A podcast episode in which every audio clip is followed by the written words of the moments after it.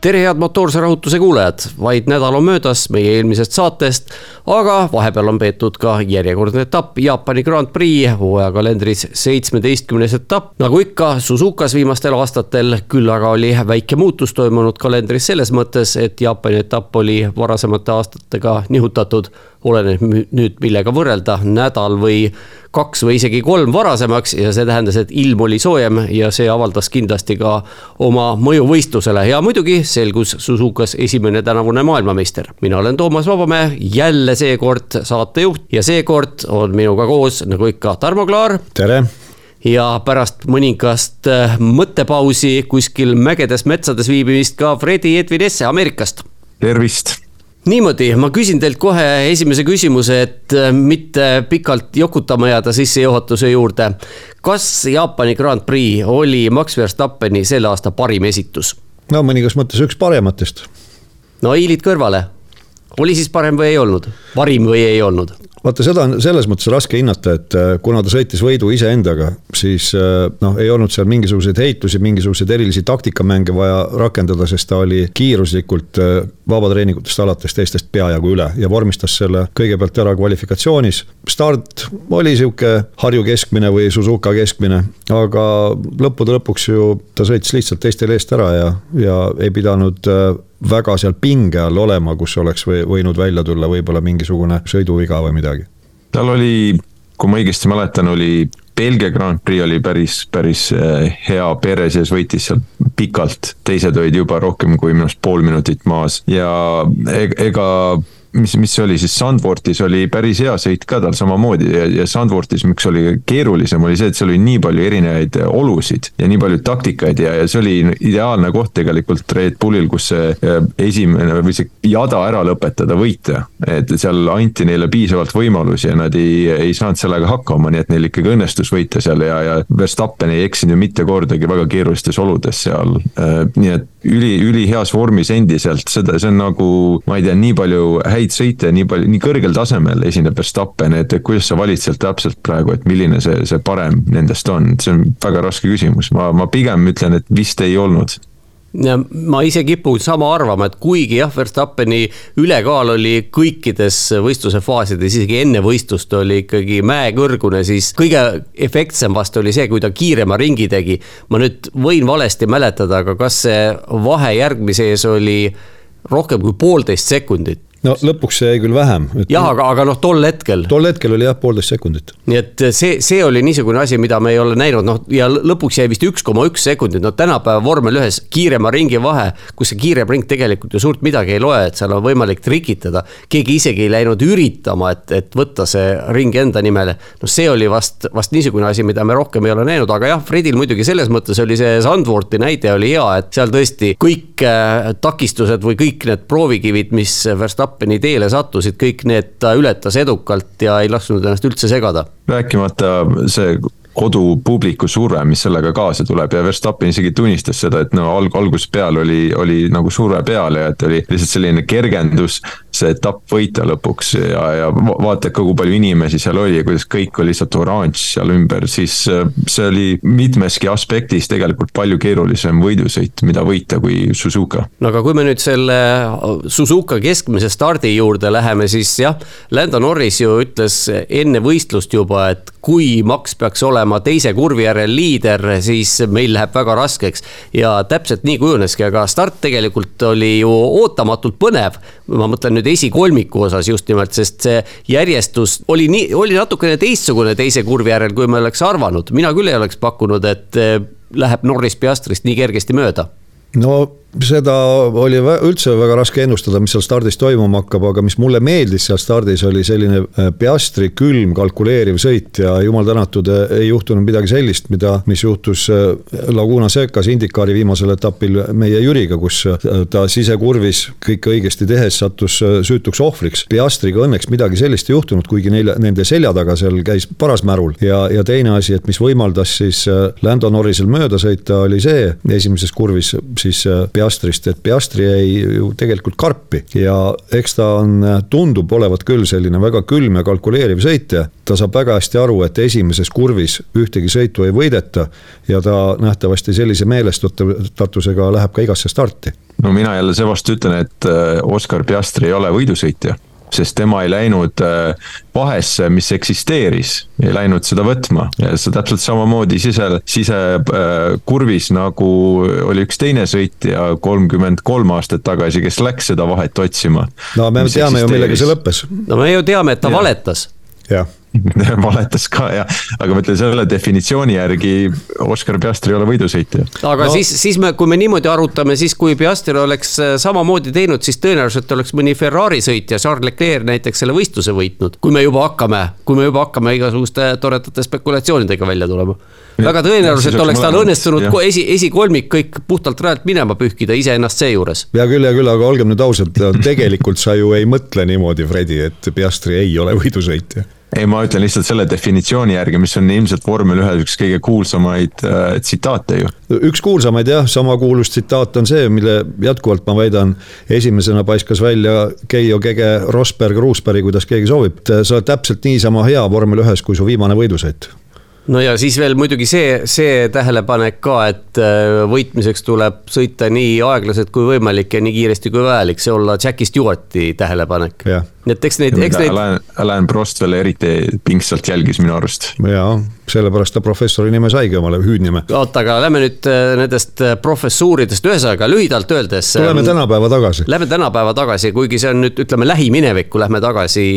me salvestame esmaspäeva õhtul, nii et umbes poolteist päeva tagasi siis need sündmused toimusid, aga põhimõtteliselt see äh, stardiintriig ju läks lahti sellest, et Verstappen sai suhteliselt kehva stardi ja Piastri oli, osaliselt oli juba kohakut ja, aga noh, Verstappen muidugi teadis, mis toimub ja, ja trügis kohe Piastri põhimõtteliselt sinna peaaegu et sissepoole muru peale. ja see oligi siis see hetk, kui Piastri otsustas, et ei ole mõtet siin ajada pilli lõhki, aga selleks hetkeks oli eh, Norris, kes oli startinud siis raja vasakult poolt, oli saanud ju segamatult hoo üles korjata ja, ja läkski esimesse kurvi Verstappenist väljaspool jah, ta kasutas selle võimaluse ära, mis tekkis ja, ja kui autokaamerast näidati seda stardimomenti, siis Piastri autokaamerast, noh, see ka, see pilt ka siis on koos heliga, selle vastava auto heliga, mis, mis ta seal parasjagu välja annab või ei anna. ja seal oli hästi kuulda, et Piastri konkreetselt äh, võttis korraks gaasi maha no ta ikka võttis täiesti maha, mitte, mitte natuke, see, sest tegelikult Suzuka esimene kurv on ju selline, et kui sa seal ideaaltrajektooril oled, seal lastakse ikka gaasi järgi, seal tegelikult ei pidurdata, aga täie hooga lennatakse sisse ja, ja pidurdama hakatakse alles esimese, teise kurvi vahel. ja noh, Norris läks väljastpoolt, aga, aga tema hoogu ei olnud ka, tal ei olnud hoogu ikka nii palju, et Verstappenile nagu puhtalt kõrvale saada ja, ja tema kord oli siis teises kurvis otsustada, et mis siis nüüd edasi teha ja noh, võttis jälle, otsustas tegelikult selle mõistliku variandi kasuks. ta oleks jäänud muidu boksi seal ja teelt välja lihtsalt surutud Verstappeni poolt, sest Verstappenil oli sise, no ütleme, see eelis ja sisejoonest väljapoole minnes, sealt teisest kurvist välja tulles. Norrisel oleks lihtsalt uks kinni löödud ja oleks muru peale läinud, et seal ei olnud mõtet pressida, väga, väga mõistlikult tegi ja tagantpoolt ei olnud ju tulemas kedagi, sest kohe nende taga toimus veel omakorda korralik märul. nojah, ilmselt, ilmselt nad, ega nad ei teadnud, mis täpselt toimub, aga seda kindlasti nägid, et vahed olid suureks veninud, seal toimus jah, enne veel isegi kui esimesse kurvi jõuti, läks ju suur mäsu lahti ja ma vaatasin täna seda aegluubis üle siitpoolt ja sealtpoolt ja, ja kui kirjutati, ma lugesin kuskilt väljaandest, et Charles Leclerc oli selle algataja, mina ütleks, et see oli Carlos Sainz, kes omakorda noh, tema sattus ka, ega tal ei olnud seal ka midagi valida, Sergio Perez, kes tegi kehva stardi, ühesõnaga mõlemad Red Bullid tegid kehva stardi. Ja see, et teised sõitjad hakkasid Perezist mööduma, siis seal tekkiski niisugune trügimine, mille tagajärg siis lõppkokkuvõttes ahelreaktsioonina oli see, et Valteri Botas, Esteban Ocon ja Alex Albon. Neist kolmest ainult Ocon sai edasi sõita temal ka rehv läks puruks, nii et teised olid suuremad kannatajad, aga selline korralik, korralik suur äh, ahelreaktsioon, mille käigus Perez põrkas Hamiltoniga vist isegi kaks korda kokku veel. ja selle algataja oli ikkagi Perez, kes, kui Verstappen tegi selle okei okay stardi, ta ei teinud head starti, aga tegi okei okay stardi, piisav, et oma kohta kaitsta, siis Perezil ei olnud lootustki oma kohta kaitsta ja sealt mindi paremalt ja, ja vasakult mööda ja see oligi, miks Hamilton tema kõrvale tuli ja no Hamilton oli ka üsnagi riskantne koht, et minna sinna välja väljas, äh, väliskurvi, sest kui ma mäletan, üks aasta oli kaks tuhat, ma ütleks kaksteist või kolmteist oli Alonso ja Raikkonen said samamoodi niimoodi äh, kokku seal, et, et lihtsalt äh, paremalt poolt tuldi sissepoole, vasakule poole, ütleme siis väli, välispoole, kui võtate esimest kurvi, sest inimesed tahavad või sõitjad tahavad head äh, sellist nurka sisse, kurvi sisenemiseks, siis naturaalselt lihtsalt kaldutakse vasakule poole ja Hamilton, kui sa oled seal juba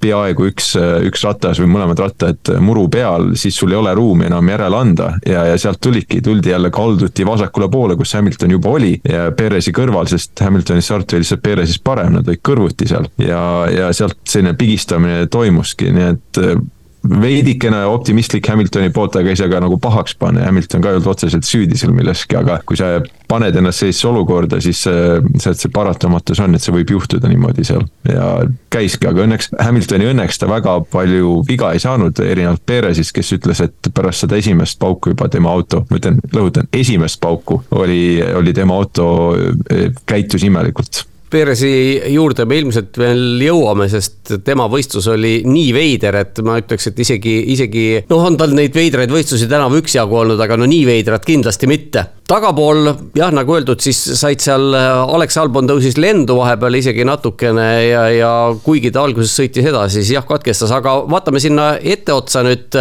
järjestus tekkis Verstappen, Norris, Piastri ja täpselt nii, nagu Norris oli ennustanud, Verstappen kaduski oma teed pärast seda, kui oli turvaauto rajalt lahkunud, sest see jah, kutsuti ka kõigepealt välja. aga turvaautoga muidugi jällegi, turvaauto taga leidsid aset sündmused, mis noh, võib öelda, et pikas perspektiivis mõjutasid teisi sündmusi, mis mõjutasid omakorda kolmandaid, nimelt Sergio Perez oma katkise esitiivaga tuli ju boksi tuli natukene liiga kiirustades, nagu selgus, ta boksis sisse sõites möödus Fernando Alonsost ja meile näidati kordusi sel hetkel, kui oli saanud teatavaks, et Perez on uurimise all ja pärast, kui ta karistuse sai. aga näidati valesid hetki, näidati väljasõitu ja väljasõidul jäi ka niisugune mulje boksist väljasõidul, siis et Perez väljasõidul kõigepealt möödus ta Alex Albonist ja siis Guan Yu Show'st. Show'le andis koha tagasi, aga seda, kuidas ta Albonile koha tagasi andis, seda meile ei näidatud päris otse näidati ainult üldplaanis, nii et kui sa õigesse kohta teadsid vaadata, siis, siis said sellest aru. ja jäi mulje, et, et see väljasõit oli see, mille eest Perez karistada sai, tegelikult ta sai sissesõidu eest karistada.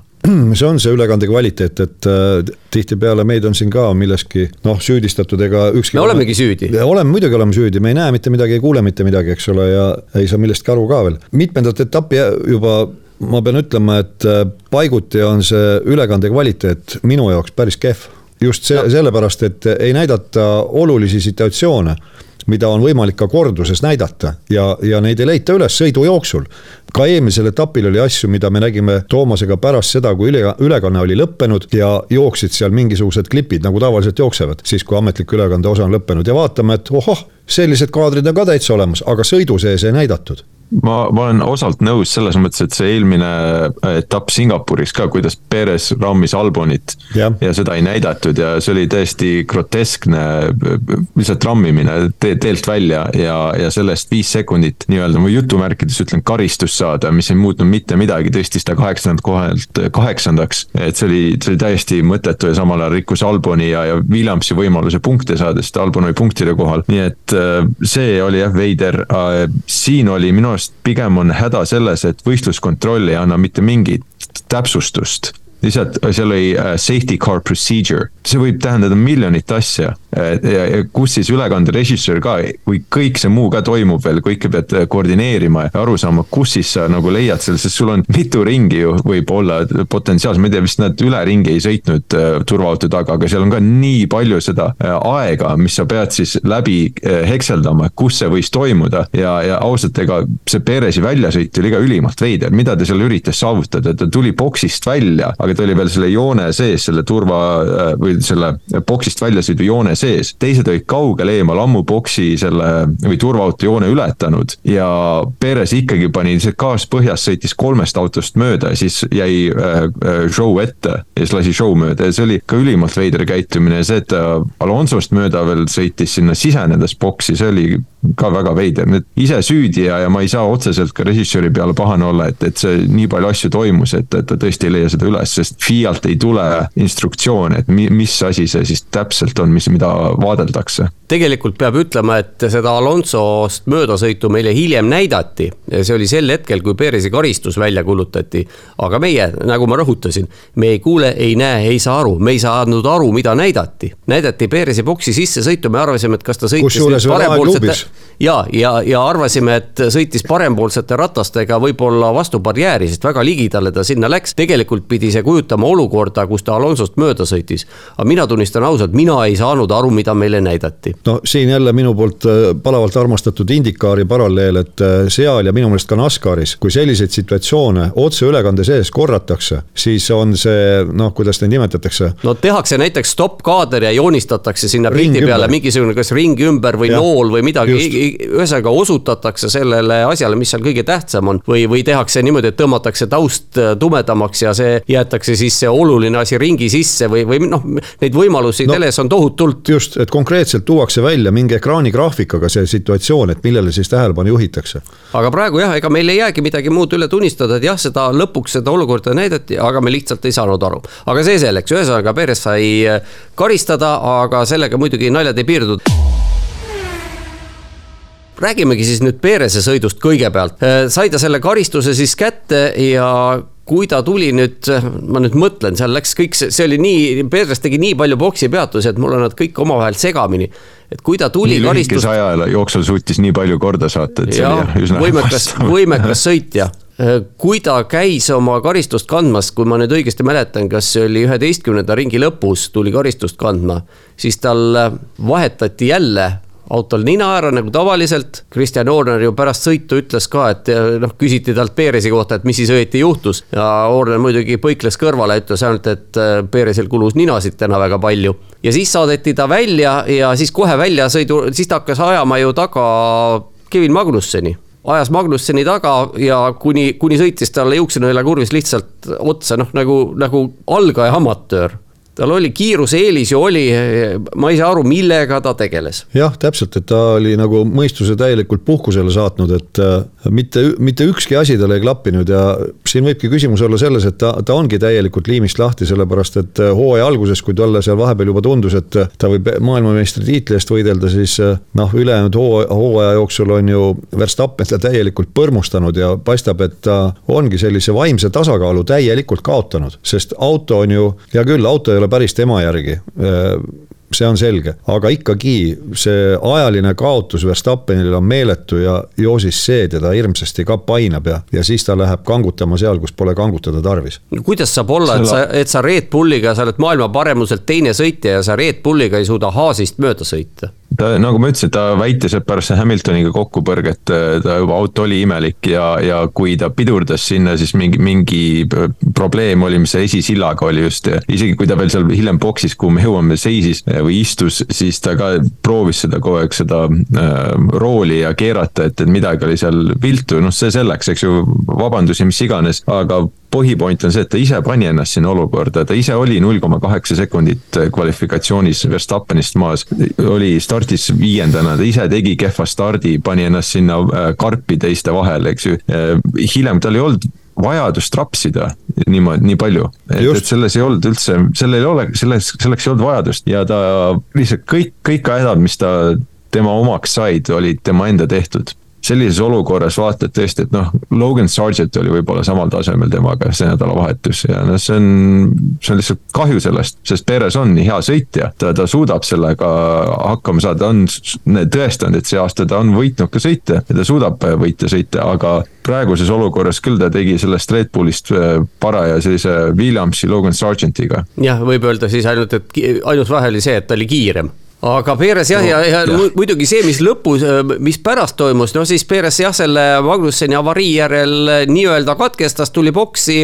anti talle siis käsk jah, et äh, tule ära boksi, tõesti püüda midagi ei olnud, ta oli juba nii kaugel maas, aga läks mööda kakskümmend minutit ja siis teleekraanile ilmus pilt, kuidas Perez ronib uuesti autosse tagasi. jällegi, me ei saanud aru, mis toimub, arvasime, et minnakse testsõitu tegema ei, nagu pärast selgus, Red Bulli taktikaosakond oli nuputanud välja, et kuna Perezile oli vahepeal määratud viiesekundiline karistus sellesama Magnusseniga kokkupõrkamise eest, siis juhul, kui Perez tõesti katkestab niimoodi sel hetkel, nagu ta katkestas, siis jääb see karistus kandmata ja see tähendab, et kandub üle järgmisele etapile. aga siis pööratakse see mitte ajakaristuseks, vaid stardirivis tahapoole tõstmiseks, mis on väga range karistus seal oli sõna may ehk võib kanduda, et see jääb siis äh, võistluskohtunike otsustada järgmisel etapil, nagu ma sain aru, nii et, et see on nende otsustada siis, kas, kas seal oli piisavalt äh, ainest selle äh, stardirivis tagasitõstmiseks või, või mitte. no arvestades, et ta sai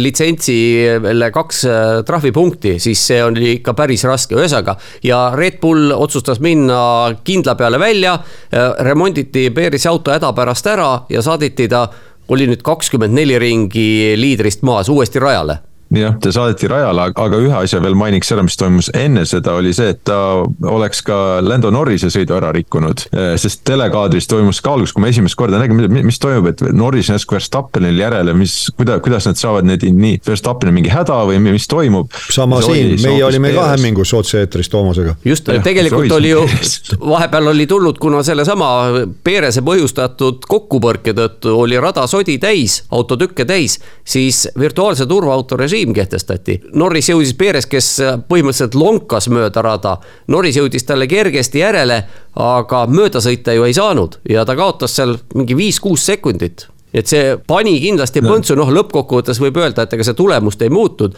aga see oleks võinud Norrise sõidu ära rikkuda Norris ise väitis, et kümme sekundit ja ütles, et ta vandus oma kiivri sees nagu tuhat ja tuline, et see ei olnud kuidagi, sest sa võid turvaauto taga või virtuaalse turvaauto taga, võid teisest autost mööda sõita vaid siis, kui on mingi tõsine probleem ja see on arusaadav probleem. aga Perezi puhul ei olnud ka nagu täpselt aru saada, et mis see probleem oleks või kas tal on tõsine probleem või ta lihtsalt hoiab tagasi ja, ja selline olukord, kus tiim oleks pidanud Norrist ilmselt paremini juhendama juhendama, et, et mine, mine sõida mööda või ära sõida mööda, midagi sellist, sest äh, Ferrari'd olid kuskil kaksteist, kolmteist sekundit maas temast ja oli plaksti pooleteist sekundi kaugusel pärast seda jama. jah, aga see nüüd hakkagi jälle mõtlema, et äh, üks, aga räägime selle nüüd jah lõpuni, kuidas see olukord siis lahenes, ühesõnaga Perez saadeti korra välja seda me nägime ja järgmine episood, mida me nägime, oli, kuidas tema auto uuesti lükati tagasi garaaži.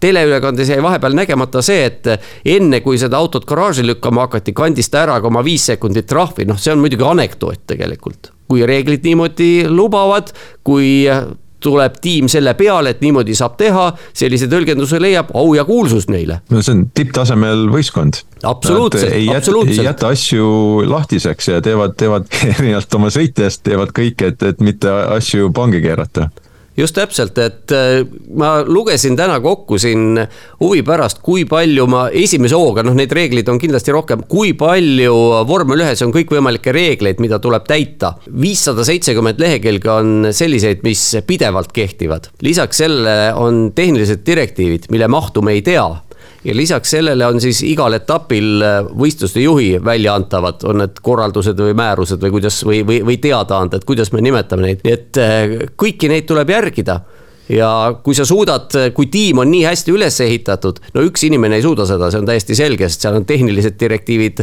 siis on äh, rahandusdirektiivid, siis on äh, võistlusmäärused, kõike, mida, mida iganes. kui suudetakse sellised asjad nii-öelda reaalajas läbi hammustada nagu Red Bull, siis tõesti au ja kiitus, väga hästi toimib see tiim. aga mulle jäi muidugi sellest Norrise episoodist jäi veel ka niisugune mulje, et äh, ma ei tea, kas see nüüd oli nii või ei olnud, et äh, Perez jäeti meelega sinna sellise, sellise kiirusega tolgendama, et äh, Norris ei osanud midagi teha sa mõtled Red Bulli pealt? ja, ja, ja sest Väga äh, oli ju, oli ju, tema oli ju põhimõtteliselt, kuigi ta tol hetkel oli veel kolmas, Piastri oli teine siis äh, õige, õigemini nad oh, virtuaalselt oli kuidagi, seal oli boksi peatustega oli segamini, aga, aga noh, fakt on see, et oli Norris äh, potentsiaalselt kõige ohtlikum konkurent Verstappenile, et püüda teda elimineerida. ei, see on väga võimalik. noh, kahtlus paratamatult tekib kas see tegelikult ka nii oli, võta sa kinni. Ja, ja otseselt Perezile nagu midagi, midagi süüks ka ei saa panna. Ja, ja noh, reeglid ei keela, kui sa lähed päris katkise autoga rajale, isegi seda ei keela, sulle näidatakse seda musta-oranži äh, mummuga lippu. ja siis sa pead kolme ringi jooksul tulema boksi tagasi, aga põhimõtteliselt kolm ringi sa võid tolgendada rajal, ükski reegel ei keela, et võta sa see nüüd oli kinni. ilmselt Perezi suurim panus see nädalavahetus Red Bulli edusse. No muud on jah raske leida, sest see ka see kokkupõrgete põhjustamine, noh, Red Bullil sellest suurt kasu ei olnud. noh, ja see panus ka nüüd ka, kuivõrd ta nüüd otsustavaks osutus, et ilmselt see ka hädavajalik panus ei olnud. oli ju eelmisel etapil juba Red Bullil teoreetiline võimalus tiimide meistritiitel tagada, siis noh, sel nädalavahetusel jah esimene ja viies koht oleksid olnud piisavad selleks, et ükskõik, mis teised teevad, oleks see tiitel tulnud, noh, see viies koht tegelikult Perezil isegi seda vaja ei olnud, et Verstappen tegi üksinda oma kahekümne kuue punktiga kõik rahulikult töö ära. sest konkurendid, Mercedesed siis eelkõige olid kaugel, kaugel, kaugel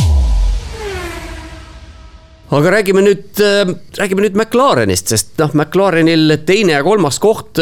Norrisel on see vist juba tema karjääris, kas on kuues või seitsmes teine koht. võitu siiamaani ei ole veel tulnud, Piastri esimest korda esikolmikus, noh, see on kindlasti märkimisväärne saavutus, aga teisest küljest, kui nüüd vaadata Norris ja Piastri vahet, heakene küll, Piastri oli kvalifikatsioonis kiirem, mitte palju, aga siiski piisavalt selleks, et äh, olla esireas koos Verstappeniga ja noh, ütles ju ka kvalifikatsiooni järel pressikonverentsi või, või selles intervjuus, et äh, pole ammu esireas startinud ja ainult üks auto on ees ja noh, võiks ju mööda sõita küll.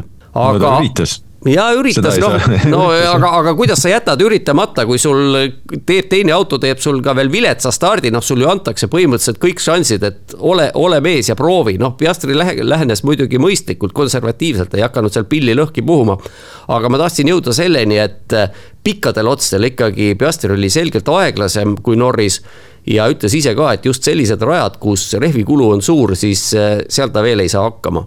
et see on üks asi ja teine asi, temal olid ju need äh, uuendused auto küljes esimest etappi, ka see võis mõjutada, et äh, leida neid õigeid autoseadeid, tõsi, raja iseloom radikaalselt teine kui Singapuris, raja kate hoopis midagi muud, see kogemuse puudus mängis seal kindlasti rolli, aga noh, minu meelest ta ikkagi täitis oma rolli väga hästi ja ei läinud seal kuskil hullu panema, ühtegi viga ei teinud, rumalusi ei teinud, selles suhtes au ja kiitus Piastrile. no väike ärev moment tekkis tegelikult selles McLareni nii-öelda kodusõjas, mis ju no seal tegelikult mingit kodusõja, sõda ei olnud, ma nüüd natukene liialdan, aga Piastri ju sellesama virtuaalse turvaauto all, tema oli just tulnud boksi, kui see virtuaalse turvaauto režiim kehtestati, nii et tema selle boksi peatusega kõvasti võitis sõitis, Norris käis mingi, oli see nüüd viis või mitu ringi käis hiljem kui oli juba roheline, rada roheline ehk äh, täiskiirusega sõideti ja kaotas tänu sellele hoopis rohkem.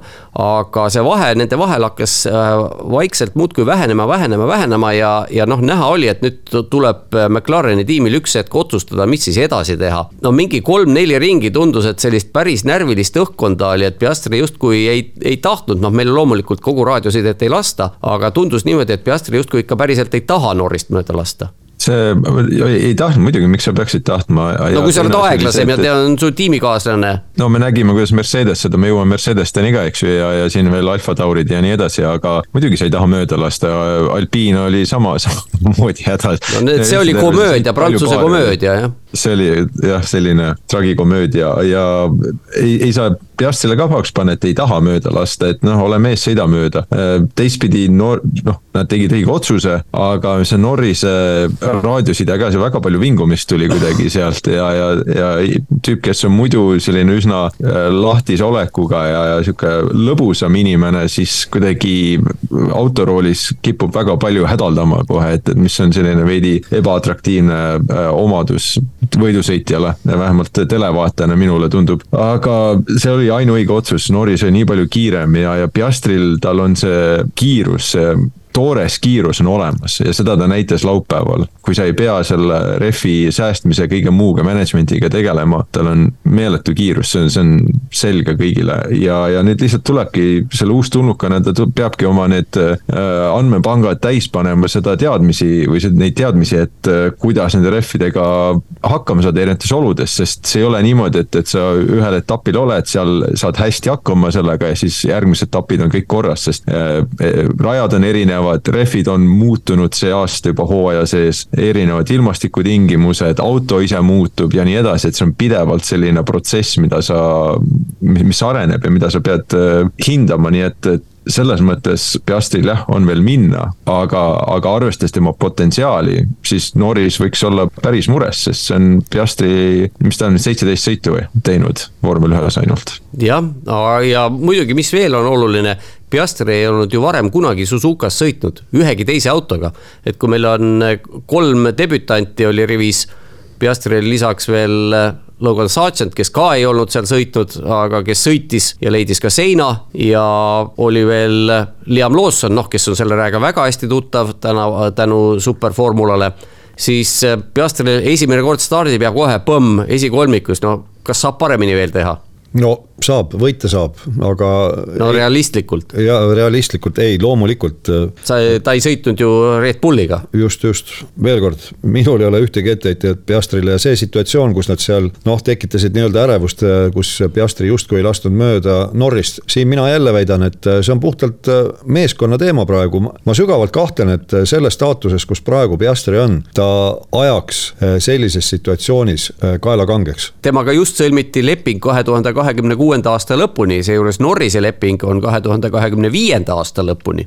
nii et Piastril on leping aasta kauemaks. no seda küll, aga, aga minul vähemalt on jäänud mulje muidugi, ma isiklikult pole temaga rääkinud, ei ole kuskil koos kannu õlut kummutanud kuskil baaris, aga minul on jäänud mulje, et üks on see, et noh, kodune kasvatus vastav ja võib-olla siis ka on suur abi tal tema mänedžerist Mark Weberist, kes on ju endine ülikogenud vormel üks piloot ja mäletame hästi ju Weberi ja Vetteli vahelist multi kakskümmend üks kokkulepet. et Weber on kõik need tule, vee ja vasttorud läbi käinud ja teab väga hästi, mis mängud seal vormel ühes käivad ja ma usun, usun, et ta on Piastrit väga hästi koolitanud. no igal juhul. koolitab edaspidigi jah, e, ma ütlen nii palju vähemalt selle, et, et äh, lepingu pikendamise kohta, et ainuõige otsus McLarenilt ja aasta-kahe pärast neil võib olla vabalt kõige tugevam äh, või sõitjate paar vormel ühes, sest see on see on üsna viisakas ja kui, kui Piastri jätkab sedasama arengut, milles ta praegu on ja selles ei ole kahtluski, et ta on kiire, seda me teadsime enne juba vaadates eh,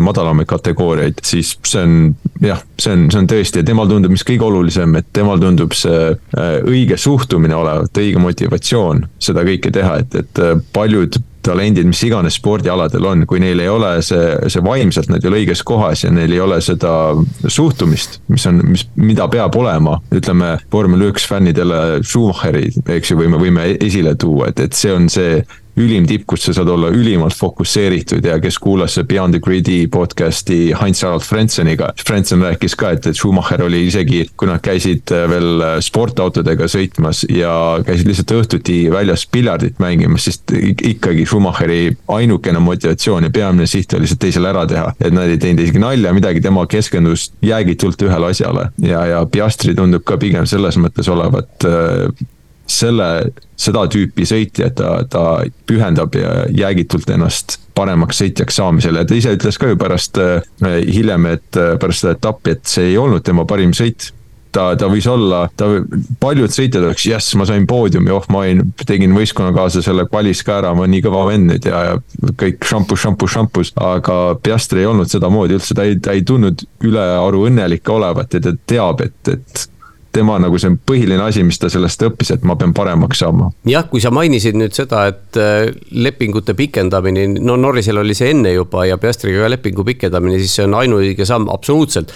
küsimus ei ole mitte, mitte nendes äh, sõitjates praegu, vaid küsimus on selles, kas kahe tuhande viienda, kahekümne viienda aasta lõpuks ja, ja kahekümne kuuendalgi aastal, kas McLaren suudab neile anda piisavalt head autot sest nad ise võivad selleks ajaks olla sellest autost palju paremad, noh Norris kipub juba praegu olema. kes see praegu parema auto neile annab, praegusel hetkel? no ega ei annagi, aga kui me siin Peeresit juba, Peeresi tegemistest rääkisime, siis kui palju meil etappe veel tänavu on, kuus jah? kui Pe-, kui Peeres veel kuus sellist etappi teeb, nagu, nagu äh, viimati, kaks viimast on olnud, siis äh, mina küll küsiksin, et miks Red Bull peaks teda tuleval aastal veel palgal hoidma no siin on ju spekulatsioonid olnud äh, selle ümber ja kas, kas mitte Red Bulli suunalt keegi ei kinnitanud ka seda, et püüti isegi Norrist, mitte Piastrit, aga Norrist oma paati saada, aga väidetavalt Norrisel on nii vettpidav leping, et sealt teda lahti ei kanguta. nojah, ja,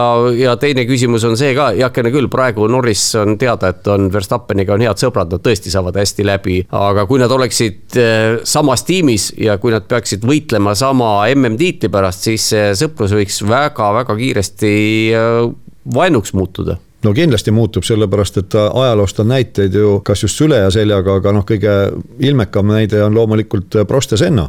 alguses nemad McLarenis olid ju ka justkui südamesõbrad ja, ja kõik oligi selline harmooniline ja tore, niikaua kuni läkski reaalselt tiitli eest võitluseks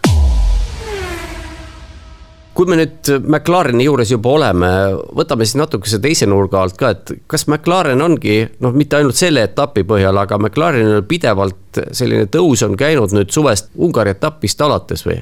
kust nad tõid need oma suured uuendused välja ja. Austria Austria, vabandust, jah, üks impeerium kõik. pidev selline tõus on käinud vaikselt ja nüüd järjekordne uuendus, mis siis Norrise autole kruviti külge kõik need tükid Singapuris. Piastri sai seal osa uuendusi, Jaapanis olid mõlemad autod väidetavalt siis ühesugused, igal juhul see kõik on toiminud ja paistab niimoodi, et hetkeseisuga ja, ja kuna McLaren liigub ka veel tõusvas joones, mitte ainult hetkeseisuga, vaid mõneks ajaks paistabki McLaren olevat Red Bulli järel number kaks no praeguse seisuga tõepoolest äh, niimoodi tundub, et äh, kui siin vaadata jällegi noh, eelmisel, eelmise etapi järel, eelmise, eelmises saates ma ei äh, vaevunud neid keskmise, tähendab neid kiiremaid ringe ja kümne ringi keskmisi vaatama, aga, aga siin näiteks on noh, suhteliselt asjakohane Suzuka järel vaadata neid, et kümne kiirema ringi keskmise edetabelis on Max Verstappen esimene ja teine-kolmas on Norris ja Piastri.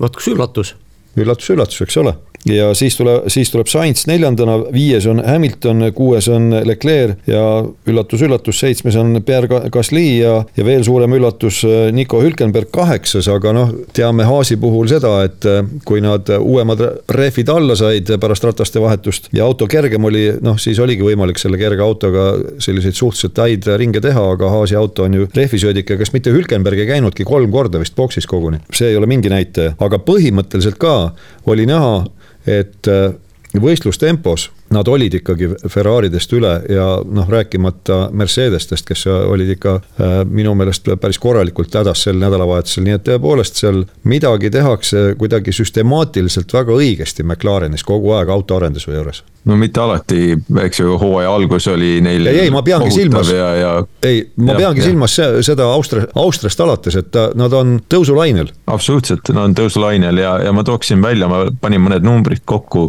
praegu on McLarenil sada seitsekümmend kaks punkti konstruktorite arvestuses, nad on viiendal kohal ja Aston Martin on kahesaja kahekümne ühega, nad on neljandaks kukkunud, nüüd enam ei ole isegi kolmandad, rääkimata sellest teiseks Mercedesest nad on kaheksakümmend neli punkti maas juba, noh, see on vahe, mida nad ei suuda kuidagi järele teha. ja ma arutasin Austrias, kui see uuendus toodi, on McLaren keskmiselt üheksateist pool punkti teeninud etapi kohta ja Aston Martin üheksa pool. et selles tempos, kui on veel kuus sõitu jäänud ja vahe on, mis see on siis praegu. nelikümmend üheksa punkti. Äh, nelikümmend üheksa, siis nad keskmiselt ütleme sama trendi jätkudes nad teeniks kuuskümmend punkti rohkem. Fredi, kas sul on, Fredi, kas sul on tabel ees praegu, terve tabel või? vaata, vaata näiteks viimast kolme etappi jah, siis on äh, kuus, mis on siis kuus punkti versus kakskümmend kaheksa pluss kolmkümmend kolm on kuuskümmend üks või? no nii, kümme korda ja. vähem punkte. ühesõnaga, ühesõnaga trend on täiesti selge, trend on täiesti selge ja Aston Martin, mina ei tea, mis seal juhtunud on, võib-olla ei olegi midagi juhtunud, võib-olla probleem selles ongi, et midagi ei ole juhtunud no vist, vist tundubki niimoodi, et teised, no on lihtsalt edasi läinud selle arendusega, nad on saanud Red Bullile natukene lähemale, samal kui Aston Martin on, on kas sama kaugel olnud või veidikene Red Bullist maha kukkunud, eks, et vormel ühes kõik on suhteline, et, et sul pole mõtet seda autot ennast võrrelda, vaid ikka võrdled alati teistega ja see paneb sinu kiiruse nii-öelda suhteliselt paika ja, ja Red Bull on see äh, benchmark olnud kõigele praegu see hooaeg ja, ja ei ole just halb, kui sa, eks ju, natukene Red Bullist kehvemini arendad enda autot, aga teised samal ajal on teinud meeletu hüppe edasi ja Aston Martin ongi lihtsalt kukkunud ja nende häda on see, et kui neil oli kiire auto, siis ainult üks äh, mees teenis punkte. ja teine, teine tüüp on lihtsalt missing in action, ta on nii kadunud, et äh, noh. ära räägi, eelmisel etapil tegi action'it nii, et vähe polnud just nii, nii palju, et kohe pühapäeval pidi ravima ennast. jah, ja auto oli ka auklik aga äh, nende arendustööde puhul veel, no McLaren selgelt läheb nagu rakett ülespoole, aga äh, Ferrari'ga tundub ikkagi, et on ka midagi toimunud pärast suvevaheaega, sest ei äh, selgita nende järjestikusi suhteliselt häid tulemusi, eelmisel etapil ju Carlos Sainz lausa võitis, aga ei ole seal asi ainult selles, et Sainz oma inseneridega juttu ajas ja õlut kõrvale rüüpas. Ei, kindlasti mitte. Ja mingit rohtu nad on ikka leidnud sellele rehvi kulumisele, sellepärast et äh, veel kord, kõik seda kinnitasid ja tunnistasid seal, et äh, siis kõigi võistkondade sõitjad, et äh, Suzuka rada, Suzuka raja asfalt on väga rehvesööv. ütleme, hooaja esimese poole kogemuse najal oleks võinud öelda, et äh, Ferrari kukub nagu kivi võistlejate rivis. või et nad peavad vähemalt ühe lisaboksi peatuse tegema võrreldes teistega, sellepärast et rehvid, rehvidega ei vea välja. midagi sellist ei juhtunud ja paistab muuhulgas äh, nii mulle isiklikult, et äh, nad ohverdasid kvalifikatsioonis seekord selle ühe ringi kiiruse võistlustempo nimel tundub väga tõenäoline, sest Aston Martinil ka, kui me nägime ju, kuidas Alonso oli seekord oli hädas sirge kiirusega. kui ta stardiga tõusis kümnendalt kohalt kuuendaks, siis eh, nii kui turvaauto rajalt ära läks, nii kõik sõitsid temast mööda ilma mingite probleemideta. ja pärast oli ta ise püsti hädas, et ta ei, ei saanud, ei saanud selgelt aeglasematest autodest ise mööda, ehk mis seal, mis seal siis oli toimunud, oli toimunud see, et Aston Martinil, õieti ei olnudki jah midagi toimunud, Aston Martini loogika ongi see, et nende auto säästab küll rehvi, aga see eeldab väga suurt aerodünaamilist survejõudu. no mida oligi Suzukas vaja, rehvid ei kulunud, see oli, kõik oli õige, eriti seal esimesel sektoril S-ides. aga probleem oli selles, et sirge kiirust ei olnud ja kokkuvõttes ei olnudki võimalik sellega kuskile jõuda. et Ferrari paistab, on, on leidnud praegu mingisuguse noh, kas just kuldse, aga noh, vähemalt see hõbedase kesktee, et kiirus nagu enam-vähem on olemas ja rehvid nagu väga ei kulu. noh, mitte küll ei ole selline Red Bulli tase, et sa võidki jääda sõitma nende rehvidega, aga selgelt paremuse poole on liikumine. kas ma võin teha väikse ennustuse siin äkki? vastu vaielda või oma, oma pakkuda. mina pakun, et Ferrari lõpetab hooaja teisena. jah, ma, jaa, väga, väga loogiline, sest ma tahtsin just öelda kes see Ferrari tiimist oli, kas see oli Lewis Hamilton või kes mainis ka ära sel nädalavahetusel, et. Mercedese tiimist ikka. jälle läheb segamini kõik mul jah, väga esmaspäevad on nii erutavad. räägi värvides, punane auto, must auto. ei, must, must selle mustadel hõbenooltel on nende senine vähese rehvi kulumise eelis on kadunud. aga mina arvan, et seal on täpselt sama lugu, et nendel on sellega endiselt korras, lihtsalt teised on suhtes Mercedesega paremaks saanud. ja seetõttu Mercedesel, noh, vaatame tõele silma, praegu ei ole mitte ühtegi eelist enam ei ole, võib-olla isegi sõitjad ei ole selles mõttes eelised, eriti kui nad lasevad neil niimoodi üksteist rajalt välja äh, togida, aga ma panin siin kokku, niikaua kui te rääkisite äh,, needsamad numbrid alates Belgia etapist, ehk siis viimased viis etappi. ja Ferrari on keskmiselt kakskümmend kolm koma kuus punkti teeninud selle aja jooksul ja äh, Mercedes kuusteist koma neli ehk veidi üle, ütleme seitse punkti etapi kohta rohkem. taaskord ütleme, korrutame järelejäänud kuus etappi seitsmega ja kui kui ainult vahe on praegu kakskümmend punkti, siis Ferrari on jälle trajektooris, nagu me rääkisime, see trend on Ferrari'l ülespoole ja see võib täitsa vabalt tulla, et, et äh,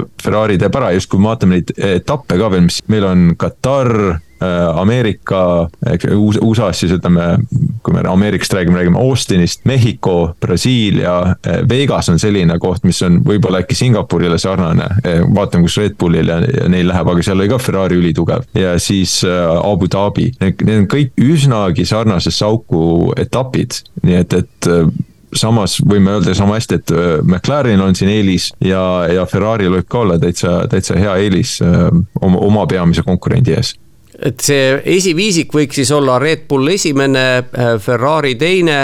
Mercedesele ikka lubame kolmandat kohta või laseme McLareni mööda? no see, et McLaren läheb Aston Martinist mööda, noh, see on põhimõtteliselt on nagu kindel juba, siin ei ole, ma arvan, üldse, ei teki mingit kahtlustki sada kolmkümmend punkti järele teha äh, McLarenil Mercedese vastu on, on liiga palju. seda on vist palju, nii et siis Mercedesele ikkagi kolmas ja McLarenil neljas ja Aston Martinile viies koht, noh, sest viiendast kohast tahapoole Aston Martin nüüd küll kuidagi enam kukkuda ei saa. aga see on juba neil märgatav edasiminek eelmise aastaga, sest kui õigesti mäletan, eelmise hooaja nad lõpetasid seitsmenda kohaga. ja seda küll, aga ma alles, ma arvan, et see oli Singapuri etapi eel, lugesin oli see nüüd äh, Aston Martini peainsener, igal juhul üks äh, kõrgemal tehnilisel ametikohal olev inimene sealt tiimist, kes ütles, et nende eesmärk on endiselt tiimide arvestuse teine koht no unistada pole ju keelatud. ei, seda muidugi jah, aga, aga ütleme nii, et see on äärmiselt ebarealistlik. mis on kõige huvitavam, on see, et Alonso rääkis ka, et, et McLaren või selles, vabandust, Aston Martinis kõik pressivad ja, ja pingutavad äh, äh, veri ninast väljas, et, et tõesti tuua uuendusi autole ja aru saada, mis toimub ja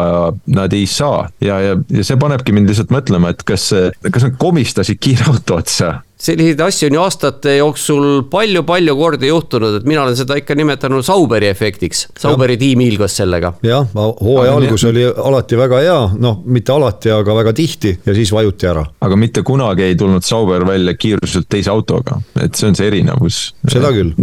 kuidagi nad pidid selle saavutama, aga hiljem, mis sellele on järgnenud, on, on täiesti nagu arusaamatu, sest nad, tundub, et nad ise ka ei saa aru ja see on vist kõige suurem probleem, arvestades, et järgmine aasta väga vähe muutub, kuidas nad siis kui nad ei suuda praeguseid asju adresseerida adekvaatselt, kuidas siis nad järgmiseks aastaks suuresti samade regulatsioonidega ehitavad järsku auto, mis on, suudab äh, tõesti Ferrari ja Mercedesega võidus sõita. Red Bullist me ei räägi. Fredi, ma küsin sult, äh, eelmise ja tänavuse aasta tehnilised tingimused on ka väga sarnased, vaata, millise hüppe tegi Aston Martin, isegi kui see hooaja lõpp ja. nüüd ära vajub no siis neil tehniline tiim ja kõik muutus ja nad tegid täiesti uue auto, ma ei, ma ei tea, nende kontseptsioon on niigi juba Red Bulli juures, me räägime sellest, et. et Mercedes teeb nüüd järgmiseks aastaks Red Bulli kontseptsiooniga auto ja nii edasi ja nii edasi, aga neil on juba see hüpe tehtud. et nad peavad nüüd sellest paketist rohkem või sellest filosoofiast, kontseptsioonist äh, välja pigistama äh, tulemusi, mis neil praegu ei õnnestu just. no võib-olla nad ei saagi sellest kontseptsioonist lõpuni aru, tähendab ilma naljata, et nad sellise,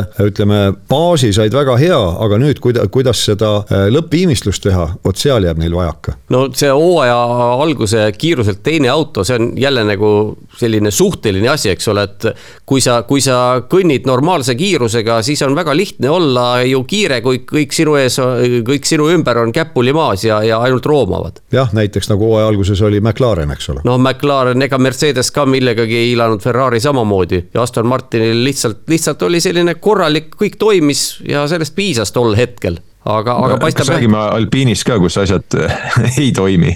oi jah. No, Mercedesest polegi rääkinud. Mercedesest jah, võtame, võtame Mercedese enne, kuigi, kuigi jah, sisulist vahet ei ole, et mis seal nüüd toimub või ei toimu, jällegi, jällegi on väga keeruline aru saada, et ma olen ikka öelnud tihtipeale, et Mercedest ei maksa kunagi alahinnata, aga, aga mida aeg edasi, seda, seda vähem on põhjust seda öelda, sest nüüd on juba teine hooaeg hakkab lõpule jõudma, kus Mercedes põhimõtteliselt mitte midagi ei suuda teha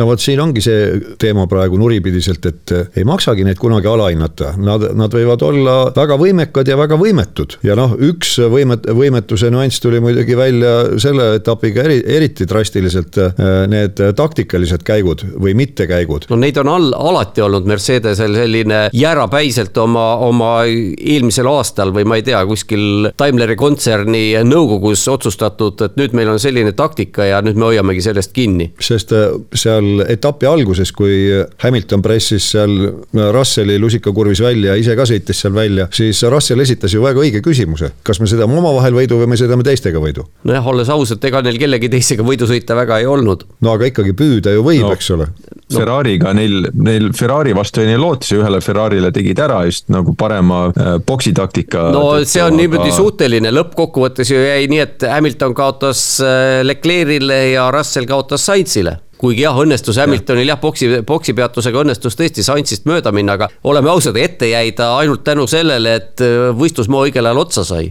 jah, ja nüüd äh, just ma tahtsin selle näite tuuagi, et, äh, et kui siis nagu ma ülekande ajal ütlesin ka, et Mercedes tahtis teha Sainzi nii-öelda, siis see oli ju ha hale naljakas. kui nad oleks selle asja hästi läbi mõelnud, siis nad oleks pidanud hakkama seda teine, teineteist DRS-i tuule tuules vedades tegema mitu ringi ennem seda, kui Sainz oli oluliselt kaugemal. proovidagi siis, ega ma ei tea, kas sellest oleks mingit abi olnud, aga proovidagi siis niimoodi, et äh, kord on üks DRS-iga äh, sabas, võib-olla, võib-olla isegi saab siis mööda seal äh, stardi-finiši sirgel, järgmine ring veab teise endaga kaasa ja niimoodi üksteist vedades siis äkki suudavad tempot tõsta niimoodi osa, omakasu püüdmatult, et vähemalt hoida siis seda edumaad seal Sainzi ees. aga, aga see idee neil, noh, millal seda raadiosidet nüüd võrreldes sellega sellega, kui, kui see raadioside tegelikult oli, meile lasti ei tea, aga noh, see nagu sina, Toomas, tavatsed tava, öelda liiga vähe, liiga hilja just seda ta oli, kusjuures Sainz ise, kes ju rääkis, et teda ajas naerma see, kuidas Mercedes püüab tema trikke korrata. Sainz ütles ise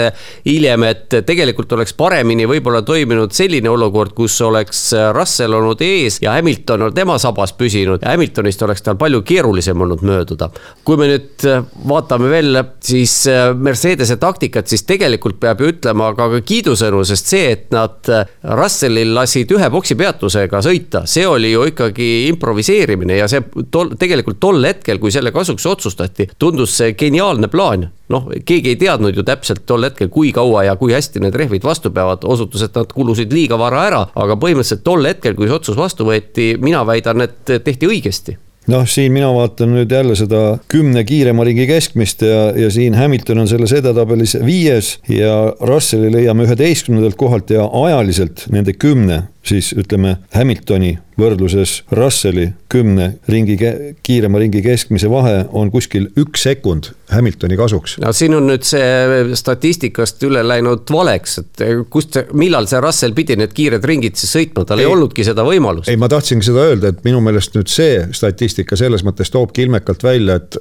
antud äh, olukorras see ühe boksi peatuse taktika, noh, see on nüüd takkajärgi tarkus, eks ole, nii ehk naa, aga ei õigustanud ennast, sellepärast et seda keskmist kõrget kiirust ei, ei olnud võimalik hoida. jah, aga mina, ma arvan, et, tol hetkel endiselt ma väidan, et tol hetkel, kui see otsus tehti, siis see oli õige, noh, tasus vähemalt riskida Nad pidid midagi proovima ja, ja tihti Russell ongi see, kes nõuab midagi teistsugust, et, et saaks mingi võimaluse ja sama need tegid Singapuris, eks ju, mis oli ka selline nagu alternatiivstrateegia ja, ja kõik need kümme kõige kiiremat ringi või nende keskmine, see näitab lihtsalt seda, kellel lõpus olid äh, värskemad rehvid all, sest äh, alguses sul on auto liiga raske, et, et midagi sõita, kui oleks tankimisega, siis oleks see, see kümme keskmis, kümme kiiremat keskmist oleks äh, veidi, veidi rohkem äh, ei, ma olen selles suhtes, ma olen sinuga nõus, ühest küljest, teisest küljest on, ütleme, see kümne keskmine äh, mingi näitaja siis, äh, kui need kõik keda omavahel võrrelda, on enam-vähem ühel, ühel ajal boksis käinud, noh, seal ütleme ringis kahese vahega ja on äh, sama kõvadusega rehviga, siis ma olen nõus, siis on see adekvaatsem. ja, aga miks peaksid, miks peaksid kõik samal ajal boksi minema ja, ja samad rehvid panema, see on ju kindel retsept mitte midagi võita.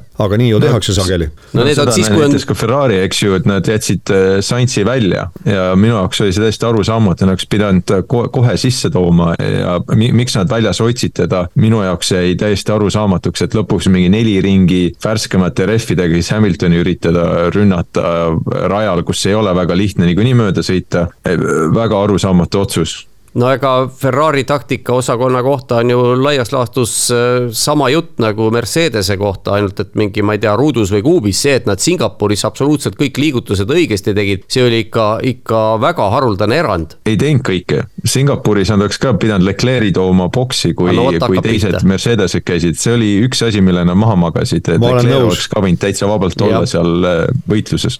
jah, aga no vähemalt, vähemalt, vähemalt võidu peale, ütleme nii, et siis nad võidu peale mängisid ja ja, ja selle nad said, et äh, üldse tagasi ei vaadanud lihtsalt no see oli no, Singapur. isegi Leclerc'i poole too hetk, et noh, kes vaevu suutis Verstappeni ees lõpetada mingi null koma kahe sekundiga, midagi sellist, et. nii, Fredi, sa tahtsid no. alpiinist hirmsasti rääkida, räägi okei okay,, seletame selle olukorra siis lahti, see oli, oli niimoodi, et alguses seal mainisime, et Ocon madistas seal alguses, ta sai äh,, äh sõitis mingist, ta ei olnud, ei põrganud kellegagi kokku, aga ta kas sõitis ju mingist äh, sodist üle, mis siis tegi tal rehvi katki või midagi, midagi sellist minu arust juhtus. ei olnud otseselt mingit äh, kahju autole tekitatud. Ja siis ta läks boksi, sai endale kõvad rehvid alla ja siis ta oligi sellise põhimõtteliselt ühe boksi peatuse taktikaga äh, sõitis, eks minu arust ta käiski ühe kui, kui ma ei eksi.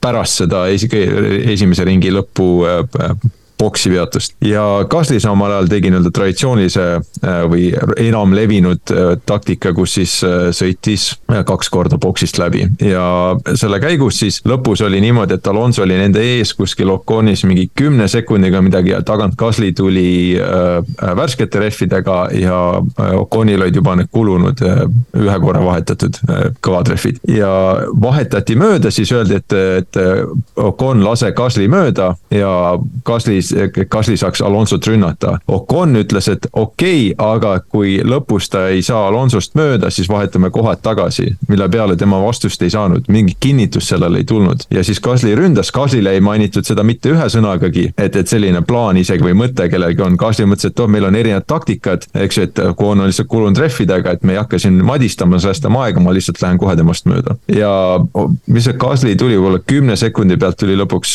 kas oli mingi viie sekundi peale või midagi sellist tuli Alonsole lähemale, mitte, mitte oluliselt, ei, need ei saanud isegi ohustada Alonsot. Ja, ja siis ring enne lõppu ehk poolteist ringi enne lõppu hakati Gaslile rääkima, et, et kuule, et nüüd anna Oconile koht tagasi. et, et ta lasi siin mööda, sa ei saanud, et nüüd peab koha tagasi andma ja selleks hetkeks Gasly oli ikka väga kaugel juba Oconist ees ja, ja Gaslil oli, et, et noh, mis asja, et mida, te nüüd nõuate mult, et ma ju selgelt, ma sõitsin kiiremini, mul oli parem taktika ja ma peakski ees olema. ja, ja lõpuks siis tuli, tuli veel tema võistlusinsener tuli raadiosides, ütles, et, et see, see on käsk, et noh, see ei ole, see ei ole soovitus. mistõttu siis Gasly võttis vahetult enne äh, finišijoont, võttis viimases kuuris, võttis hoo niimoodi maha, et ta peaaegu seisis, et lihtsalt demonstratiivselt näidata, et, et ta laseb Oconi mööda ja, ja sellega see olukord siis noh oleks pidanud lõppema, aga Gasly pärast sõitu oli, oli päris vihane ja Ocon samas ütles, see oli mõistlik tegu ja et noh, me oligi nüüd, ma andsin talle võimaluse ja,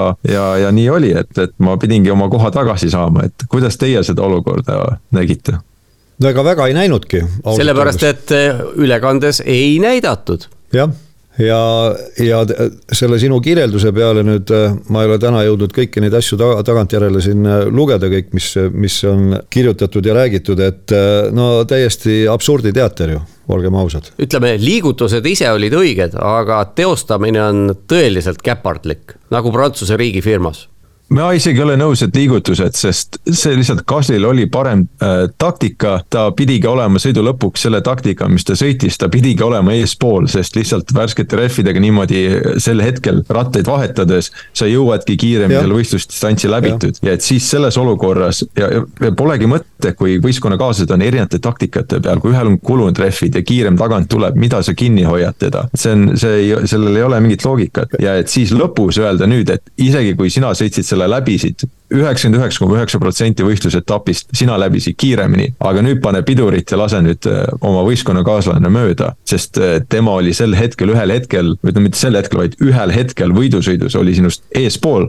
ja, ja nüüd pane pidurit, lase tema mööda, et tema peab sinust rohkem punkte saama, et, et see on, sa ei suuda, see tekitab nii palju rohkem hõõrdumisi võistkonnas kui see, et, et hiljem öelda, et näed, jah, vabandust, Esteban, aga sa käisidki, põrkasid kokku või sul oli rehv katki ja, ja see, sul ei olnud nii optimaalne strateegia kui, kui sinu võistkonnakaaslasel, seetõttu sa olid, said temast vähem punkte. aga praegu nad tegid selle olukorra, keerasid lõpus selle vahet tagasi vahetamisega täiesti selliseks, mis rikub võistkonnas isegi kliimat ma ütleks ka vastu, vaata sa mainisid, et kui Ocon lasi Gasly mööda, siis ta küsis küll, et ma tahan lõpus seda tagasivahetust, aga talle kinnitust ei antud. nii et tegelikult temal ka oleks teistpidi, oleks Gasly jäetud äh, temast ette, siis oleks meil olnud täpselt samasugune olukord, aga oleks lihtsalt Ocon see, kes oleks äh, püha viha täis praegu. nii et igal juhul tiim ei suutnud seda olukorda adekvaatselt hallata vot selle lausega, selle lausega ma olen nüüd nõus, et tiim ei suutnud adekvaatselt hallata, aga, aga Frediga ma olen põhimõtteliselt nõus, et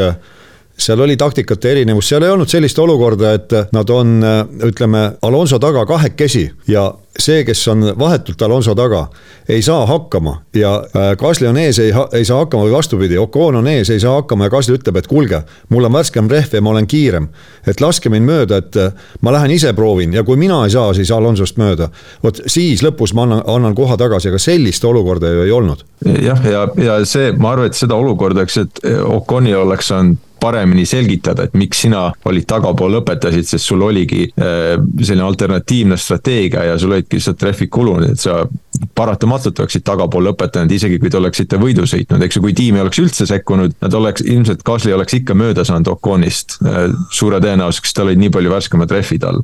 no just nimelt, et, selle... et see Oconi häda algas ju täpselt stardisirgel, pärast starti just, tema, tema jah, tema häda oligi see, et ta sattus noh, kas isegi kui tal ei olnud eh, endal seal mingisugust osalust, siis noh, lihtsalt oli valel ajal vales kohas, selliseid asju autovõidusõidus juhtub, siin ei saagi midagi parata ja, ja selle loogika alusel oleks ju McLaren pidanud minema siis, et näed, kuule, et äh, Oscar, et või vabandust, Lando, et Oscar lasi su mööda nüüd, eks ju. see võis küll juhtuda kakskümmend ringi tagasi, aga näed, ta lasi sind mööda, nüüd palun vahetage jälle, jää nüüd seisma, lase see kümme, kakskümmend sekundit äh, tagasi ja, ja Oscar peab ikkagi sinu ees lõpetama, et see on umbes samal tasemel. jah aga kui me suurt pilti vaatame, siis eh, kas me siis nüüd imestame, miks on alpiintiimide arvestuses sellisel kohal, kus ta on? ma arvan, et ei ole mingit põhjust imestada, see ongi, see Jaapani Grand Prix'l toimuv näitabki, kuidas see tiim tegutseb.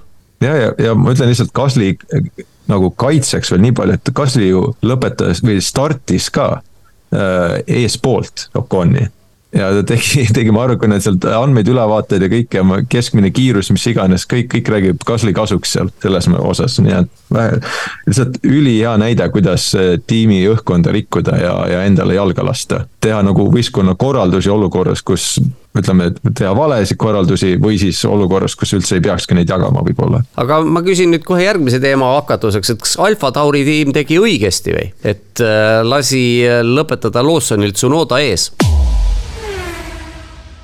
Tsunoda ju sel nädalavahetusel ju hõigati maha, et tal on tulevaks aastaks leping. ja on ka Ricciardol selles tiimis tulevaks aastaks leping, mis iganes selle tiimi nimi siis olema saab, ilmselt mitte Alfa Tauri. ja, ja sõideti ju Jaapanis, Honda Motor Company seitsmekümne viies aastapäev oli Hondale kuuluval rajal, kõik trallala, aga palun väga, Lawson on sinust eespool, okei okay,, mõlemad olid punktikohtadelt väljas, nii et nii-öelda materiaalselt mingisugust vahet ei olnud, aga moraalselt kindlasti noh, moraalselt oli, aga täpselt, et äh, kuna nad äh, ju tegelikult, olgem ausad, jäid punktikohtadest reaalselt väga-väga kaugele, siis mis seal vahet on ega neil, no ega šanssi ei olnud jah, aga noh, mõtleme esimesele ringile. meile näidati, kuidas seal käis ju hirmus võidusõit käis Tsunoda ja Lawsoni vahel Dunlopi kurvist väljudes ja, ja Tegneris ja veel edasigi, seal ikkagi kohti vahetati, aga vähemalt selles alguse tõuklemises, tõuklemist seal ei olnud, nad kokku minu teada ei puutunud, aga ütleme siis tunglemises. Lawson jäi ikkagi ette ja, ja Tsunoda vangerdati temast mööda boksi peatusega, esimese boksi peatusega. aga teise boksi peatusega omakorda vangerdati Lawson uuesti Tsunodast ette ja Tsunodal lasti pikemalt väljas olla. mis andis talle lõpuks rehvi eelise, aga mitte nii suure eelise, et ta mööda oleks suutnud sõita ja ma ei ole küll kuulnud. täpselt et... sama jah, nagu, nagu Saintsiga juhtus, täpselt sama, põhimõtteliselt sama, et hoiti liiga kaua väljas ja see eelis lõpus, kui sa mõned ringid värskem rehv, see ei aita sind mööda, eriti kui on autod on samad lõpuks ei olnud vahet, oleks mingi punkti kohal oldud või midagi sellist, siis ilmselt oleks oleks olnud, äh, ütleme niimoodi, oma mootoritarnija rõõmustuseks ja kodupubliku rõõmustuseks jah, oleks ilmselt olnud mõistlikum ja oma järgmise aasta äh, võistlussõitja rõõmustamiseks ka, et, et, et mitte, mitte seal liiga palju sisekliimat rikkuda, oleks pidanud äh, Tsunoda ette laskma ja noh, paluma Lawsonil seda teha, et lihtsalt öelda, et jah, me oleme erinevatel taktikatel, mida iganes, aga selles olukorras minu arust, mis seal vahet on no Lawsoni puhul on ju see ka, et võis olla, et see oli tema selle aasta viimane Grand Prix üleüldse, kuigi jällegi mingit äh, ametlikku infot ei ole, aga, aga selline mitteametlik ütleb, et Ricardo istutatakse autosse tagasi alles USA Grand Prix ajaks, mis on nelja nädala pärast. ja siis, kui Lawsonil on oma põhihooaja kõige tähtsam võistlus ehk Jaapani superformula viimane etapp, kaks võistlussõitu. ja Kataris võib-olla saab siis Lawson veel, veel proovida vormel üks autoga sõita, aga igal juhul tegi Alfa Tauri või õigemini tegi muidugi Red Bull selle otsuse, et Lawson tulevaks aastaks jäetakse ikkagi kuskile kõrvale, tal päris sõitja kohta praegu, põhisõitja kohta ei ole no kas siis ütleme, et kes siis järgmine aasta sõidavad äh, Alfa Tauris, et on Daniel Ricciardo ja Yuki Tsunoda järgmine aasta nende ametlik äh, sõitjapaar? just nimelt, see ju kuulutati välja Ricardot me teame kõik, eks ole, Ricardo on äh, läbi proovitud suurus, me ei ole küll näinud, mida ta selle autoga suudab. sest need äh, kaks Grand Prix'd, mida ta jõudis teha, noh, need olid sellised suhteliselt mitte midagi ütlevad ikkagi.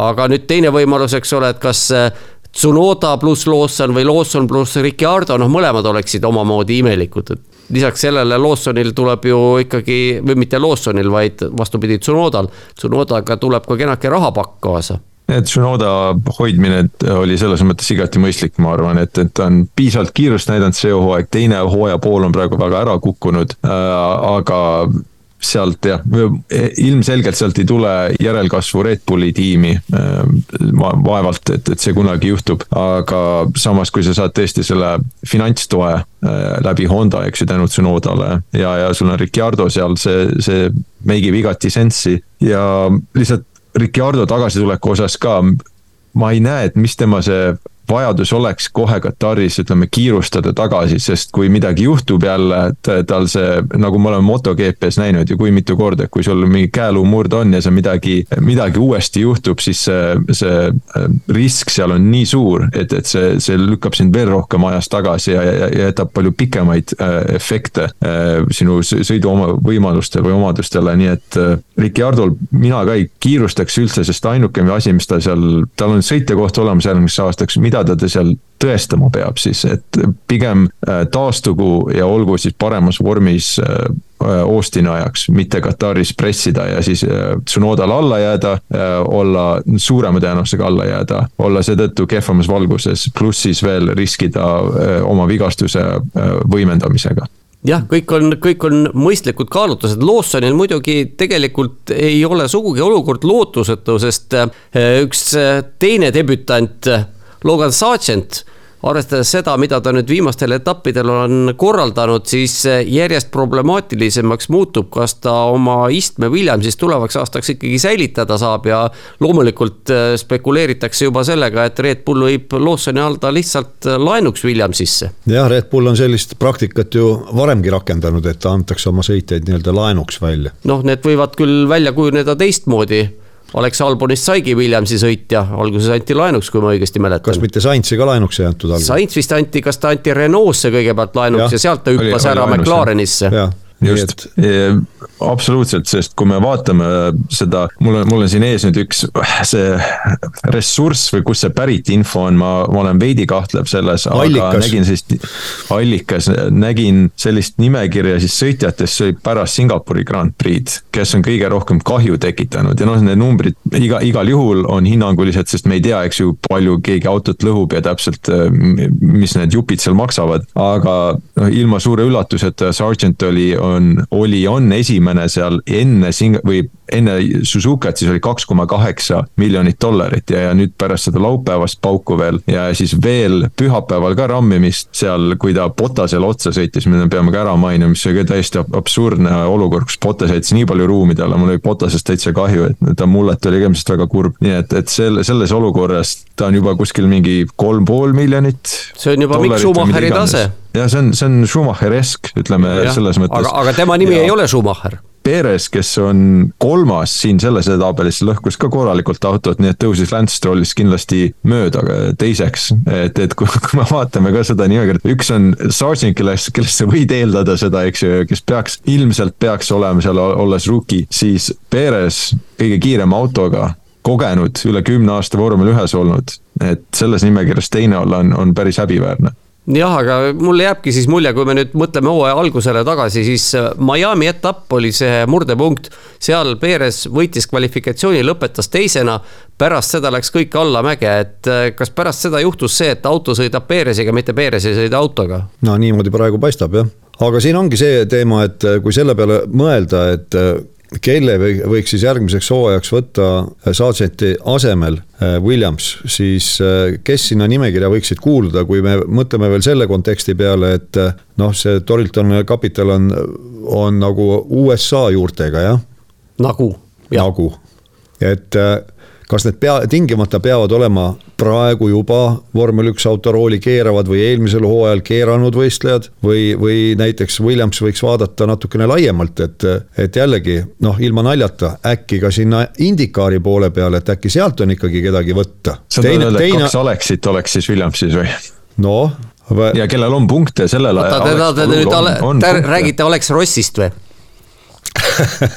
mis nali see, mis sa naerad, ta on endine vormel üks sõitja, ma arvan, et tal on, on. siiamaani kehtiv litsents. kindlasti on, tema puhul ei kahtlegi, et on ei no Alex Paluu ilmselt on sellest, sellest äh, võrrandist ikkagi väljas, ma arvan, et ta on, et... ta on asjadest aru saanud, no ja mis, ütleme ausalt, mis, mis põhjus peaks tal olema Indikaari parimast tiimist minna vormel ühe põhimõtteliselt noh, võib-olla mitte päris kõige nõrgemasse, aga selgesse outsider tiimi. no ma tahtsingi sinna jõuda, ma eh, korraks tõmbasin ainult hinge ja kohe Toomas lõikab vahele, üldse ei lase rääkida, et, et eh, tegelikult ka ma, ma tahtsingi sinna, sinna jõuda, et äh, teine asi on see, et isegi kui näiteks see Torilton Capital või noh, kellele iganes on need äh, volitused antud, et äh, leida nüüd Sargenti asemel keegi teine võistleja ja, ja ta isegi näiteks võiks siis otsida sealt Ameerika turult nende sõitjate seast, kes sõidavad Indikaari praegu, siis mis motivatsioon peaks olema mõnel Indikaari sõitjal praegu tulla Williamsisse vormel ühte?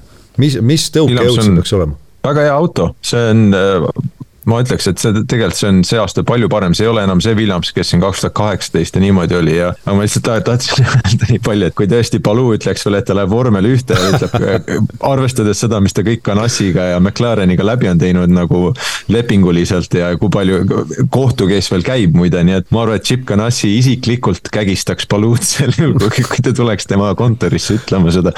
et ma, ma, ma ei julgeks küll tema nahas olla seda, seda otsust vastu võttes, aga ähm, ma ei usu, et sealt, kui me reaalselt räägime, kes siis on nagu kandidaadid, siis ega Lawson on, Mikk Schumacher on ja Antonio Giovinazzi on.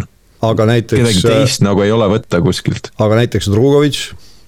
Felipe Drugovitš võiks ka olla täitsa jah. eelmise aasta vormel kaks meister, sel aastal noh, vabatreeningutel natukene sõita saanud no seal, seal võivad hakata jah, juba teised, teised küsimused tulema, et äh, kellel on raha kaasa võtta, jällegi ma ei tea, räägitakse, et äh, Sargentil on raha kaasa võtta, teiste kohta ma ei ole, võib-olla Mikk Schumacheril ka midagi.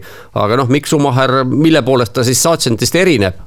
auto, purustamise kunst on tal sama hästi käes kuidagi lagi on, lagi on tema puhul vist teada ja, ja see ei ole nagu midagi nii säravat, et, et see oleks nüüd materiaalne äh, nagu ülendus võrreldes Sargentiga äh, mis ma ütlen, Giovinazzi, eks ju, seal Ferrari'ga äh, mingit äh, sidet Williamsil ei ole selles mõttes, et, et sealt äh, nemad saaks mingi peale lihtsalt dollarite pataka või eurode pataka nad midagi muud saaks. et mingi sellist, ütleme jutumärkis sünergiat ei ole. Mercedesega on Williamsil, eks ju, James Vowell, see ammu juba on, on väga lähedane suhe olnud. mootorid. jah, aga jah, aga ma ei usu, et sealt see Schumacheri link nii, nii väga aitaks neid ja, ja siis jääbki Lawson, kes on ka siis, otsest nagu sidet ei ole neil Red Bulliga, aga, aga nad tegid selle nii-öelda hüppe ja võtsid, võtsid Alboni, kes tol hetkel ei olnud nagu kõige rohkem, kõige kõrgemas hinnas, tema aktsiad ei olnud kõige kõrgemas hinnas ja, ja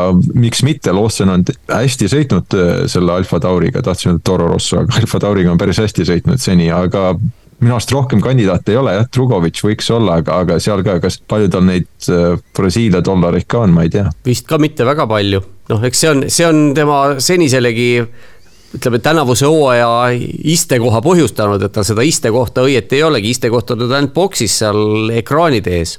Ja mis, mis on veel huvitav, et Williams äh, kuidagi kinnitab usku endiselt Sargentisse ja, ja annavad veel võimalusi talle, aga vähemalt midagi ei ole välja lekkinud, mis on minu jaoks väga, väga üllatav, mis näitab ka seda, et kui, kui, kui asjalikult James Vowell seda, seda asja seal ajab. Äh, või seda võistkonda juhib, nii et ei ole nagu olnud otseselt mingeid kõlakaid, et keegi nüüd oleks käinud Williamsiga juttu rääkinud, oleks kedagi nähtud Williamsi äh, seal treileris juttu rääkimas äh, Jamesiga või nii, nii edasi, et, et sellised äh, mingit signaali ei ole veel tulnud, mis ilmselt äh, indikeerib seda, et ei ole ka veel arutluse all tõsiselt olnud Sargentist äh, lahti saamine. jah, küll aga on äh, Toto Wolf välja öelnud ju selle, et kui peaks Mikk Schumacher minema näiteks äh, kestvussõitudesse alpiiniga, siis äh, nemad takistust ei tee ja et sellest hoolimata Mikk ikkagi kuuluks edasi äh,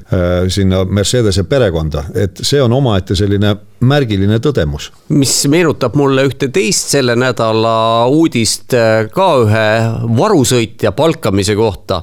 nimelt McLaren palkas endale varusõitjaks täiesti lambist jaapanlase Rio Hirakawa. kes ei tea, siis tegemist on väga tunnustatud ja eduka võidusõitjaga, tema maailmatasemel saavutus on eelmise aasta kestvussõitude maailmameistritiitel ja Le Mani kahekümne nelja tunni sõiduvõit, lisaks on ta loomulikult Jaapani superformula GT sarjas seal hiilanud, nii et ei ole kuskilt mingi mees metsast, vaid on sõna otseses mõttes väga kõrgetasemeline võidusõitja, aga, aga niisugune seos järsku, et võetakse noh, Euroopas põhimõtteliselt tundmatu jaapanlane omale varusõitjaks, siis loomulikult tekitas kohe spekulatsioone, et kas nüüd McLareni ja Toyota vahel on midagi susisema hakanud, aga ei tundub, et mitte, et seal on täpselt sama loogika põhjal, et lihtsalt mingisugune, mingisugune side on, aga see ei ole see, mida te mõtlete side vist see, et lihtsalt tahetakse äh, oma sõitjat toetada.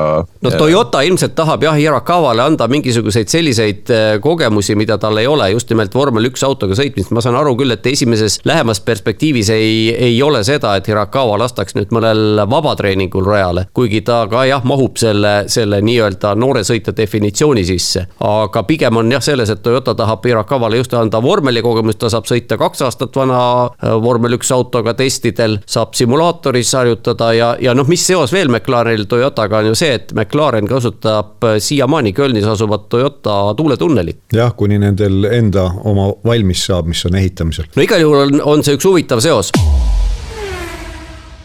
aga mulle tundub, et kui teil nüüd midagi väga põrutavat ei ole öelda, siis hakkavad mul teemad otsa saama. nojah. siin enam pole jah millestki väga pikalt rääkida, oleme Tule... juba jutustanud oleme parasjagu jutustanud jah, kahe nädala pärast järgmine etapp Kataris meile väga mõnusatel kellaaegadel, õhtustel hilistel aegadel, kui ma õigesti mäletan, siis Grand Prix start kell kakskümmend null null pühapäeva õhtul meie järgi, mis võiks veel toredam olla ja Katar on, kui õigesti mäletan, meiega samas ajavööndis, nii et äh, seal ongi siis äh, ööpime või noh, hilisõhtu pimeduses kunstvalguse käes see sõit. kunstvalguses jah, ja rajal, mis, äh, kui seal vormel üks debüteeris, siis keegi ei osanud sellest midagi arvata, noh, on MotoGP seal sõitnud juba vaata varsti, et kakskümmend aastat. Ja, ja kõik teadsid, et see on päris äge motorada, aga selgus, et tegelikult vormel ühele ka väga esimene, esimene võidusõit oli väga põnev seal, nii et loodame, tuleb samasugune ma, ma loodan, et Esteban võitleb nagu lõvi seal. miks ainult tema see oli, see oli viide, viide veel Alonso raadiosidele paar aastat tagasi, aga ja. see selleks no nii, äh, seekord muuseas ka ju Alonso ütles, et ta oli lõvide kätte visatud selle, selle enda varajase esimese boksipeatuse kohta. nii et äh, lõvid on Alonso meelisteema. tundub nii jah, aga see selleks, äh, lõpetame tänase saate ära. Jaapani Grand Prix teemal võtsid sõna Fredi Edvin Esse, Tarmo Klaar ja Toomas Vabamäe. aitäh, et meid kuulasite, kohtume jälle kahe nädala pärast. järgmise korrani. kõike paremat, kuulmiseni